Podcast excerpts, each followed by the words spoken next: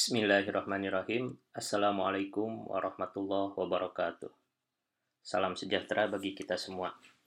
Baik, pada pertemuan kedua ini setelah kita membahas RPS di pertemuan pertama ya, kita akan membahas tentang uh, posisi bahasa pemrograman ya. Ini penting uh, mengingat seperti kita ketahui bahwa bahasa pemrograman itu adalah salah satu jembatan yang menghubungkan kita dengan bahasa mesin. Jadi komputer itu hanya paham bahasa mesin.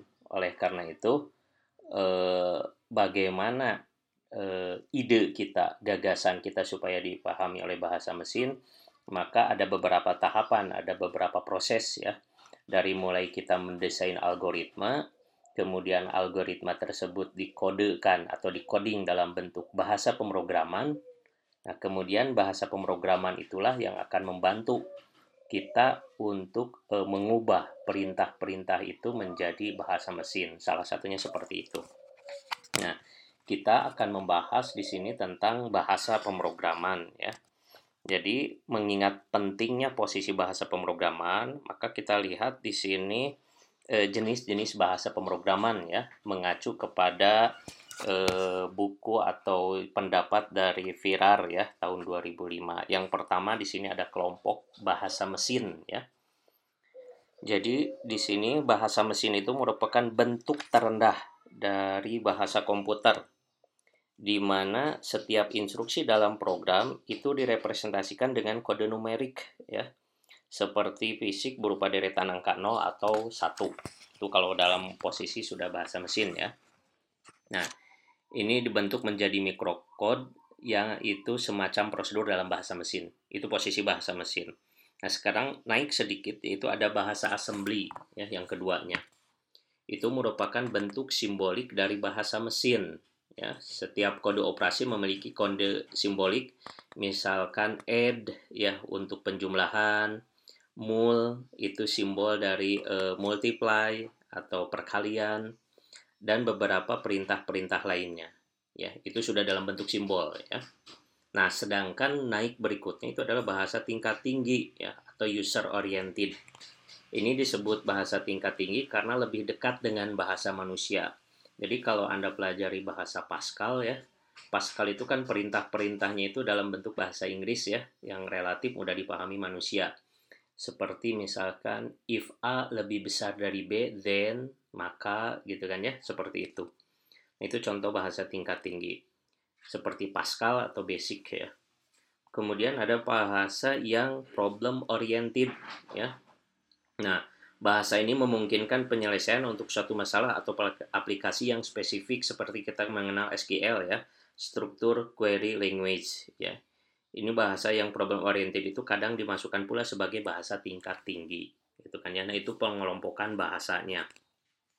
Nah sekarang kita lihat di sini eh, eh, keuntungan ya. Jelas ada banyak keuntungan dengan kita menggunakan bahasa tingkat tinggi dibanding bahasa tingkat rendah gitu kan ya. Pertama tentu saja adalah eh, kemudahan untuk dipelajari ya. Karena tadi bahasanya lebih dekat dengan bahasa manusia ya. Lebih mendekati permasalahan yang akan diselesaikan. Kemudian program tidak perlu mengetahuinya bagaimana presentasi data ke dalam bentuk internal di memori gitu ya. Kemudian berikutnya memberikan banyak pilihan e, struktur kontrolnya ya. Jadi kita mengenal konsep percabangan di situ ada if then ada switch ya kemudian kita juga mengenal beberapa mengenal beberapa skema pengulangan. Kalau di Pascal ada while do, ada do while dan eh, sorry ada while do, ada repeat until, ada for ya. Di bahasa selain Pascal misalkan ada do while ya.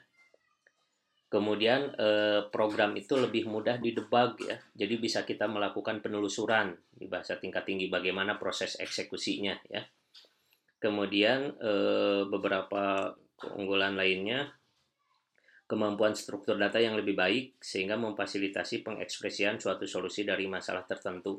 Jadi kalau kita mau mengelompokkan data ya.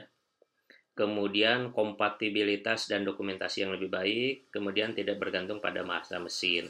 Itu beberapa keuntungan bahasa tingkat tinggi.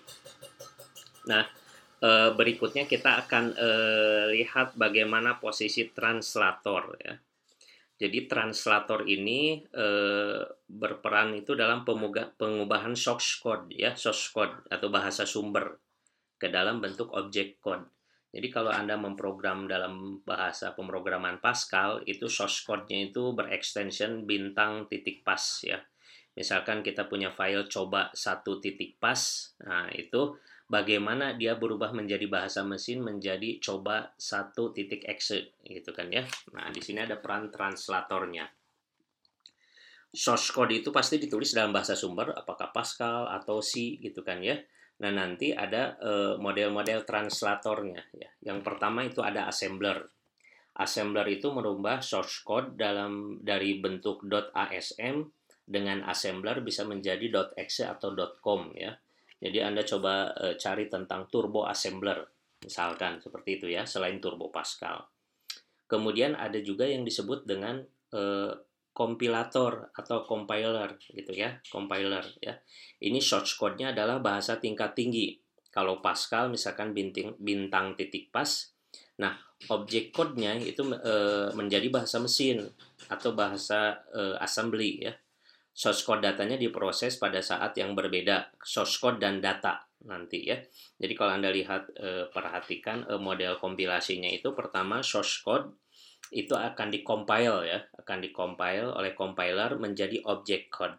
Nah, habis itu baru eksekusi komputer kalau sudah ekse. Nah, ketika butuh data, maka pada saat eksekusi datanya diambil lalu akan dihasilkan sebuah hasil atau output ya. Itu. Kemudian yang ketiga, selain assembler dan kompilator juga kita mengenal istilah interpreter ya. Nah, interpreter itu tidak membangkitkan objek code, tapi hasil transaksinya hanya dalam bentuk bahasa internal ya. Jadi di sini beberapa contoh di uh, merujuk ke buku Pirar itu ya. Uh, itu ada basic, ada basic ya, ada GW basic, ada Lisp small talk ya. Nah, source code dan data itu diproses pada saat yang sama. Jadi nanti ada source code, ada interpreter, ada data baru menghasilkan hasil ya. Itu. Nah, di sini pada teknik kompilasi tentu saja kita eh, lebih berfokus kepada kompilator ya, kepada posisi kompilator itu sendiri. Nah, eh, pada bagian kompilator itu dia memiliki dua tugas pokok ya, dua tugas pokok kompilator. Yang pertama adalah fungsi analisis dan yang kedua adalah fungsi sintesis. Apa itu fungsi analisis? Nah, dia akan melakukan dekomposisi program sumber menjadi bagian-bagian dasarnya. Jadi program sumber itu akan didekomposisi ya. Nanti kita bicara lebih lanjut di pertemuan berikutnya yang lebih teknis. Kemudian ada fungsi sintesis. Nah, ini tugasnya itu melakukan pembangkitan dan optimasi program objek ya. Oke. Nah, jadi nanti Anda bisa lihat ya, ini uh, tugas untuk didiskusikan. Coba Anda pelajari tentang model kompilator ya. Seperti biasa, coba dari e, buku sumber dari buku Virar atau buku yang lain atau referensi lain, Anda pelajari tentang model kompilator ya. Di situ ada beberapa elemen, nanti akan kita diskusikan di pertemuan berikutnya ya. Secara e, umum seperti tadi dijelaskan, model kompilator itu terbagi dua blok ya, ada blok analisis dan ada sintesis ya. Di tengahnya itu ada intermediate code. Nah, kedua blok yang dihubungkan oleh intermediate code itu sama-sama mereferensi merefer kepada tabel simbol ya. Jadi yang pertama eh, source code yang kita miliki misalkan sebut saja bintang titik pas kalau di Pascal ya atau .c gitu kalau di C itu source code itu akan mengalami tahapan eh, fungsi analisis ya.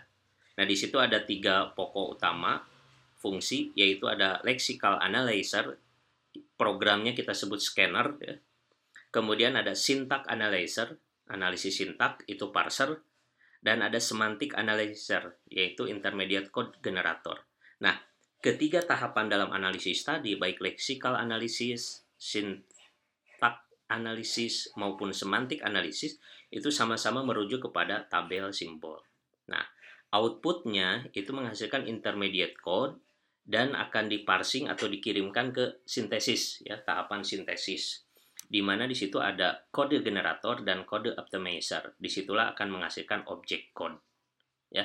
Jadi begitu secara alur bagaimana dari source code sampai menghasilkan uh, object code. Gitu ya. Ini ini tahapan basic, tahapan fundamental dalam bahasan teknik kompilasi. Jadi mohon dipahami ya. Terutama tadi uh, tentang pelajari tentang model kompilator ya. Akan didiskusikan karena selanjutnya kita akan menerapkan itu. Oke. Jadi di situ beberapa muncul istilah. Anda akan mengenal istilah scanner, parser, ya, kode generator dan kode optimizer gitu kan ya. Dan seperti apa contoh-contoh dari model uh, scanner maupun parser itu sendiri gitu kan ya. Ini uh, mohon dipelajari. Nah di pertemuan berikutnya nanti setelah kita paham itu sebagai basicnya ya. Jadi bagaimana contohnya sebuah shocks program kompilator A dalam bahasa K kemudian kompilator pengkompilasi dalam bahasa K itu sehingga menghasilkan kompilator bahasa A misalkan gitu ya contoh-contohnya gitu. Oke.